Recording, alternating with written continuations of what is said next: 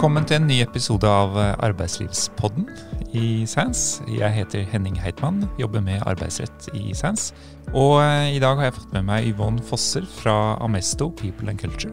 Og vi skal snakke om et eh, tema som ikke er spesielt juridisk orientert, men er veldig viktig for eh, HR og ledere, og det er kulturutvikling. Kultur i bedrifter. Velkommen, Yvonne. Tusen takk, det er veldig hyggelig å være her. Vi skal snakke om kultur, og for meg er dette blitt viktig. Jeg ser ofte i saker jeg er inne i at uh, kulturen har mye å si for hvordan ledere opptrer i virksomheter, og hvordan medarbeidere reagerer på ledelse. Og um, ikke minst hvordan man forholder seg til alle typer utfordringer. Både konfliktsituasjoner, strategien, hva man skal gjennomføre. Får man folk med eller ikke? Uh, I hvilken grad er folk engasjert? Hva vil de med å jobbe i bedriften osv. Så, kulturen har stor betydning, eh, også i det å holde på talenter, sånn som eh, arbeidslivet er nå, med stor kamp om flinke folk. Eh, så velkommen for å snakke om dette.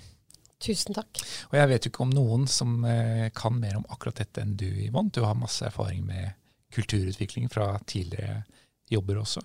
Vil du si litt om din bakgrunn? Ja, eh, først så det er sikkert mange som kan mye mer om kultur enn meg. Men eh, jeg har i hvert fall en del års erfaring med å jobbe strukturert med kulturutvikling. Min bakgrunn er at jeg har vært HR-direktør eh, i flere norske og internasjonale selskaper. Både i Hewlett Packard og f.eks. i Felleskjøpet. Og sist var i Innovasjon Norge.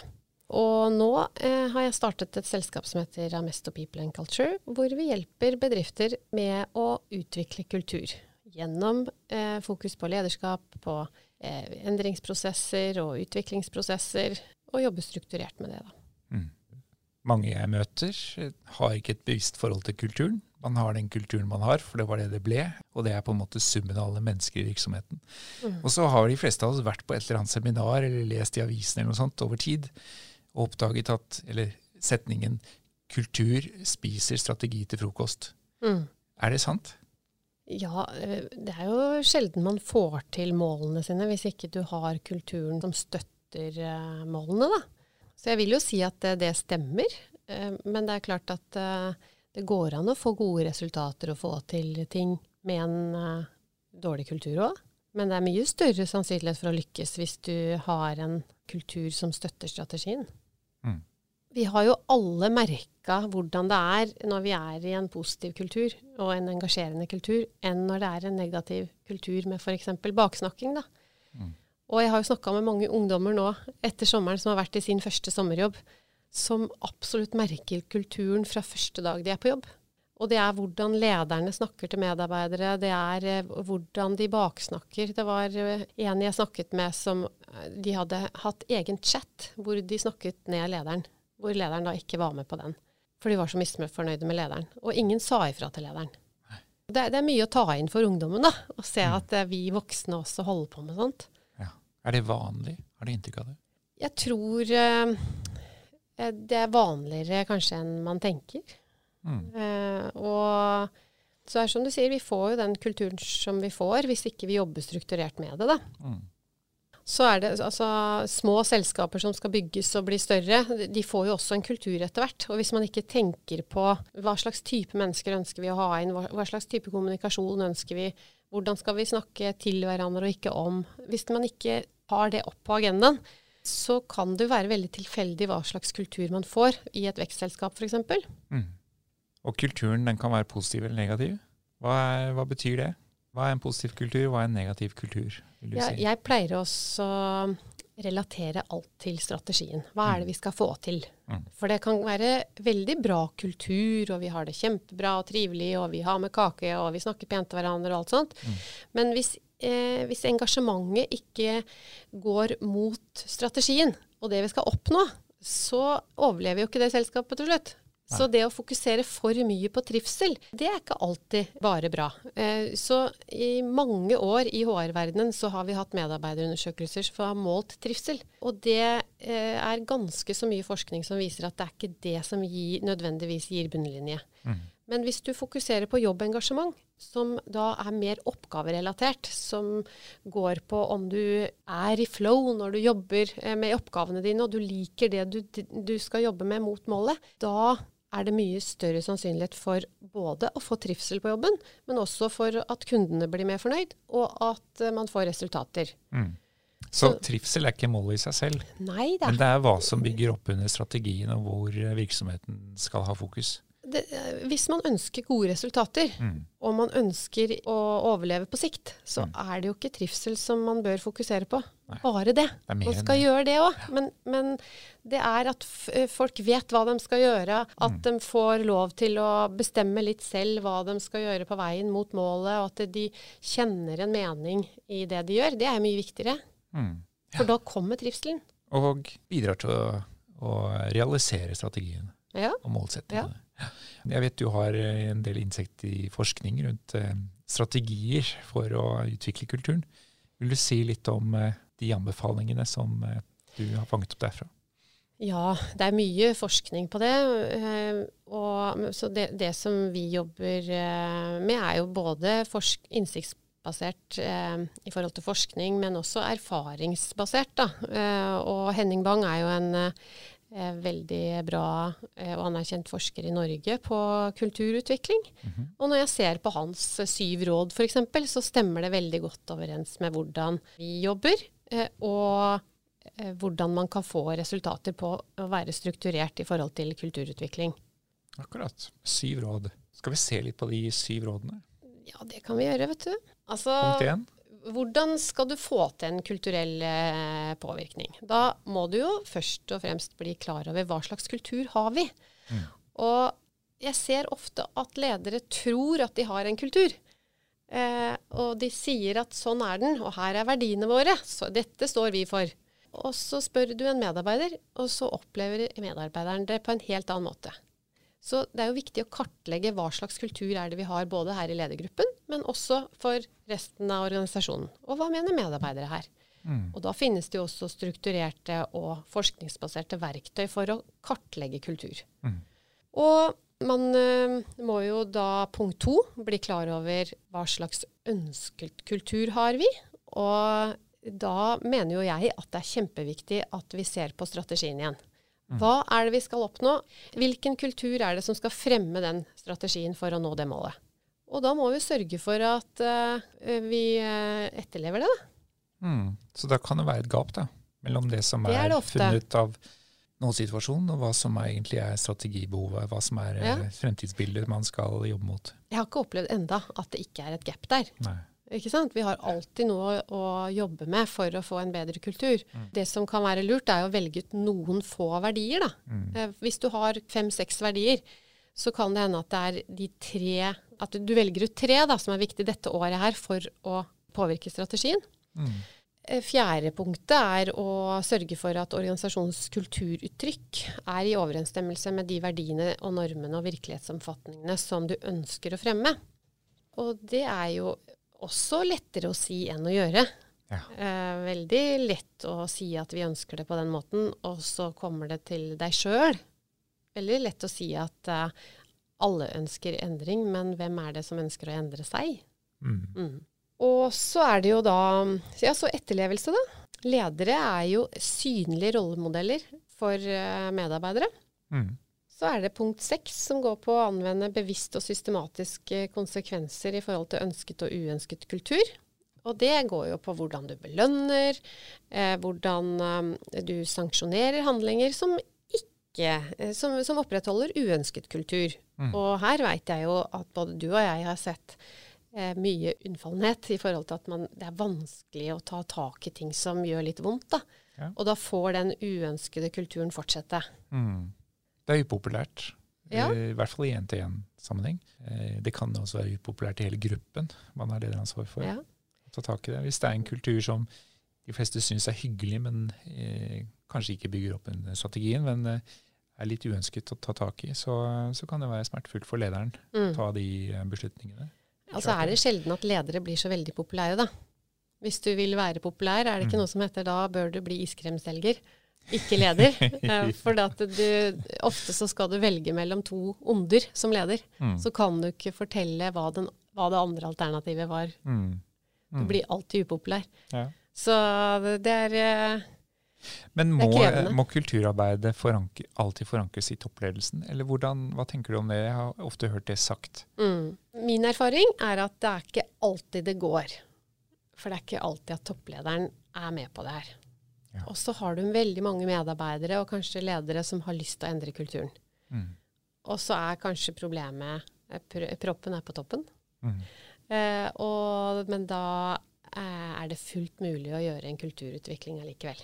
Så det er ikke sjakkmatt hvis ikke Det er det ikke, er med? absolutt ikke. Og det er det sikkert mange som har merka òg. At det, Mm. eh, hver og en av oss har utrolig stor påvirkning på kulturen. Mm. Kulturen er jo eh, summen av alle menneskene som jobber der, og hvordan de forholder seg Ja. til arbeidsplassen sin. Ja. Så jeg hadde en samtale forrige uke med en medarbeider som eh, sa at og jeg skulle ønske at lederen hadde sett meg, og jeg skulle ønske at eh, de visste om alt det jeg kunne, for da kunne vi ha gjort det så mye bedre. Mm. Og da er det bare, hva har du tenkt å gjøre med det, da? For det er jo bare å si ifra, da. Og, og det gjorde jo den personen, da. Mm. Og har fått ansvaret for det området. Så, så, så det er jo eh, de som tør å si ifra og tør å påvirke og sånn, har utrolig stor eh, påvirkningskraft. Ja. Og Gallup tar jo stadig sånne eh, undersøkelser for å se på hvem er det som er eh, høyt engasjerte, og som tar eh, initiativ. Og, og da er det jo sånn fra 13 til 15% som er høyt engasjerte eh, i noen av de undersøkelsene der. Mm. Så men hvis du sier at eh, Så det, det er ganske god plass der framme da, til å ta ansvar. Mm. Du opplever det også som det generelle bildet? Ja, så de undersøkelsene er én ting, men det jeg ser er også at eh, Mm. vi er veldig passive. Vi tenker at eh, noen andre må ordne opp. Ja. Det er eh, Jeg husker en eh, samtale jeg hadde med to stykker som hadde følt uh, seg uh, tråkka på da, i to år uten å si ifra. Og de var så lei seg. Og det, gikk, uh, det var nesten så de ble sykemeldte. Og så hadde vi samtalen, og så snakka vi med de som da hadde tråkket på. Da. Og de skjønte jo ingenting, for de visste ikke at de hadde gjort det. Mm. Og når de fikk snakka sammen da, så ble jo det en veldig fin kultur etterpå. Mm. Og de burde jo egentlig ha sagt det to år før, da. Ja. Mm. For alle har et ansvar i kulturen, i Mm. kulturutviklingen og Mm. bevisstgjøring. Mm. Og så er eh, Siste punktet, Henning, det er jo at når du skal utvikle et selskap, så har man jo noen ganger muligheter til å rekruttere. Og eh, det at man rekrutterer bevisst og selektivt i, i forhold til ønsket kultur, er jo viktig. Ja. Og da finnes det også verktøy hvor man kan teste eh, og se om, det, om de verdiene som den personen står for, er i tråd med det selskapet skal gjøre. da. Altså, Mm. I et selskap som vi eh, kartla kulturen, fant vi ut at eh, de trengte flere fremoverlente medarbeidere som, som turte å ta sjanser, som ikke var så kvalitetsbevisste. Da, for de hadde veldig mange kvalitetsbevisste, og så ønsket de eh, å drive kulturen framover. Eh, og skal jo inn i nye markeder og skulle utvikle ny teknologi og teste ut ting. Og da trengte de mer sånn å ta initiativ da, og tørre å ta risiko. Og da eh, kunne de jo rekruttere eh, det, for det hadde de ikke Mm. så mye av. det. Og så veit jo du eh, enda bedre enn meg at det går an å omplassere og skifte ut sterke bærere av uønsket kultur. Mm. Mm. Det er eh, absolutt mulig som arbeidsgiver å gi styringssignaler på kultur, skal stille forventninger til atferd, også utover akkurat kjernen i jobbutførelsen, men det som går på holdninger og utvist holdning. Har du noe råd til eh, de lytterne til det, Henning? Jeg vil si til eh, ledere på alle nivå, også til HR i sin rådgivning, vær tydelig på verdiene, og sørg for at de etterleves. Eh, Og har bedriften feil verdier i forhold til hvor man vil hen kulturmessig, så må man se på nytt på det, slik at man har et verdisett som stemmer med det, dit man skal, og det man vil være. Men det går an å gi tilbakemeldinger på det. Absolutt, Mhm. selvfølgelig. Og at man i, i rekruttering også legger vekt på hva slags type man er i forhold til eh, verdisettet. Det, det er naturlig. Og det er veldig vanlig å teste på disse tingene når man rekrutterer folk. Så hender det at man opplever at det, var ikke helt det vi trodde vi skulle få. At man ser det etterpå. Og prøvetiden de første seks månedene er jo veldig vanlig å bruke også til å forankre og vurdere eh, kulturelle aspekter ved en eh, nyansatt. Mm. Man må være innstilt på å tilpasse seg kulturen i den bedriften man går inn i når man begynner i, et nytt selskap. Eh, og ledelsen har full anledning til å stille forventninger til det, atferd, også på det nivået. Mm. Så, um, så, så det er uh, absolutt en del av det å tilpasse seg bedriften og arbeidsgivers forventninger, som er helt berettiget til å legge vekt på. Eh, Man kan også gi advarsel for manglende tilpasning og etterlevelse av verdiene. For det får jeg mange spørsmål fra ledere som kan jeg gi tilbakemelding på sånt. Mm. Det er jo ikke konkret nok, men det kan det være. Jo, det kan man jo konkretisere med eksempler fra hva som har skjedd de siste tiden, og, Mm. og hva reflekterer du rundt Mm. dette. Eh, Så hender det man er uenig om hva som har skjedd, og hva som har vært Ja, sagt ja, ja. i en eller annen setting, men, men da kan man i hvert fall være enig om hva som skal gjelde framover. Og det er Mm. gjerne det viktigste med en samtale rundt en advarsel. Det er jo ikke nødvendigvis rett eller galt hva som har skjedd, Mm. men at vi er enige om hva som er verdisettet, og hva vi skal jobbe ut fra framover. Mm. Fordi poenget med en advarsel er jo å justere kursen. Mm. Eh, og at eh, den ansatte skal vite at dette må du tilpasse. Og hvis ikke du tilpasser, hvis ikke du vil være med på det løpet som vi er enige om, eller som er bedriftens retning, så kan du bli sagt opp. Mm. Og det er jo en sterk sanksjon å sette inn. Det, man bruker ikke oppsigelser uten at det er nødvendig. Men, eh, men det er berettiget til å legge vekt på det, og um, vedvarende vilje til å delta i kulturutviklingen eh, i samsvar med bedriftens strategi og de ledelsessignalene som gis, det, det kan, kan være grunnlag for oppsigelse. Mm. Har du eksempler på noen tiltak du har eh, brukt og satt i gang i forbindelse med gjennomføring av kulturendring? Ja, eh, i noen selskaper så har vi brukt eh, eh, kartleggingsverktøy for å finne ut hva slags kultur vi har, og hva, øns hva er ønsket uh, kultur. Og så jobber man strukturert med det. Eh, I andre selskaper så har vi eh, Hvis det er små selskaper eller det er en avdeling, så går det an å ha én-til-én. Da får du jo veldig sånn eh, innsiktsfull informasjon. Forrige uke gjorde jeg det, og ga en uh, rapport til uh, ledelsen. Og da setter vi opp tiltak ut fra det. Ja. Altså I det selskapet så var det bl.a. at de ønsket å bli lyttet mer til.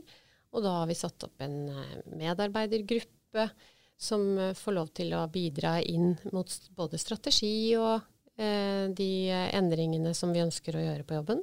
Mm.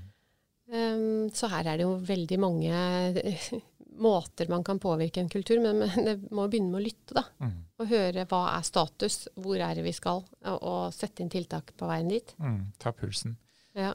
Eh, og én-til-én-samtale er én ting, men det er ikke alltid så lett å si noe som kanskje kan oppfattes negativt av eh, leder i en TN-samtale. Hvordan kan man da gå frem for å få et, et sannferdig bilde av eh, hvordan det står til? Ja, jeg syns ofte folk er veldig ærlige. Um, og at det kommer fram veldig mye. I, når de, for vi er jo et eksternt selskap som da blir leid inn for å gjøre en kartlegging. Mm. Uh, men det er jo klart at da må man jo man må få tillit først, da, før de tør å åpne seg. Mm. Så da må det jo være troverdig på det. Ja. Mm. I større bedrifter så kan det ofte være en utfordring at ledelsen vet for lite om hva som skjer på gulvet og nedover i organisasjonen. Og du nevnte jo innledningsvis dette med sosiale medier og grupper utenfor bedriften hvor ansatte baksnakker og snakker negativt om, om ledelsen og selskapet. Mm. Kan tillitsvalgsordninger være nyttige i å få på en måte nærkontakt med det som rører seg der ute? Jeg har veldig god erfaring med å involvere medarbeidere eh, i eh, ja, både strategi og tiltak. Og eh, de sitter jo ofte med nøkkelen til eh, hele selskapet. Mm. til hva de sitter med skoa på. Så det å um, ha Du kan bruke verneombud til det, du kan bruke ansatterepresentanter. I et selskap nå så har vi etablert det altså Da hadde vi både fagorganiserte grupper og også ansattvalgte, som vi kaller samarbeidsutvalg. Mm. Og da er det jo mye lettere også for ledelsen å kunne få informert via dem, og du får eh, et eierskap. Altså de som sitter i den gruppa, blir jo vel, har jo lyst til å være med på en, både en kulturendring og det å få til ting i selskapet framover. Så det blir ofte undervurdert av ledere, hvor viktig det er. Mm. Og så noen blir jo redde for det òg. For da får kanskje medarbeidere for mye makt. Men de har eh, nesten all makt eh, uansett. For det nye markedet nå, så er det jo ikke, det er jo ikke lederne som har den eh, makten som de hadde i gamle dager. Eh, nå er det arbeidstakers eh, marked. Ja, du risikerer at de slutter, de slutter rett og slett, hvis ikke de er ja. fornøyd. Ja. de finner seg en annen jobb. Ja, så vi må, vi må være på tilbudssiden eh, og lytte, og da får du jo bedre resultater, da. Mm. Hvorfor ikke gjøre det, da? Så lenge det går i riktig retning ut fra strategien. Ekstern bistand, eller sitte på innsiden og gjøre kulturarbeidet, jeg opplever ofte at det kan være utfordrende for eh, en del virksomheters egen HR-avdeling å skulle dra en kulturendring i selskapet som de selv jobber i. Mm. For de er jo selv en del av den kulturen. Ja. Og eh, du har de brillene på sett fra innsiden. Er det fordeler ved å gå eksternt for å få en hjelp til analyse og tiltak og strategi? Det er jo veldig mange flinke HR-avdelinger rundt omkring mm. eh, som har eh, god spisskompetanse eh, på det her. Og i noen, sånn som i Nav og skatteetaten og sånn, så sitter de jo eh, kanskje litt langt unna ledelsen, sånn at eh, kanskje man kan være objektiv nok, da.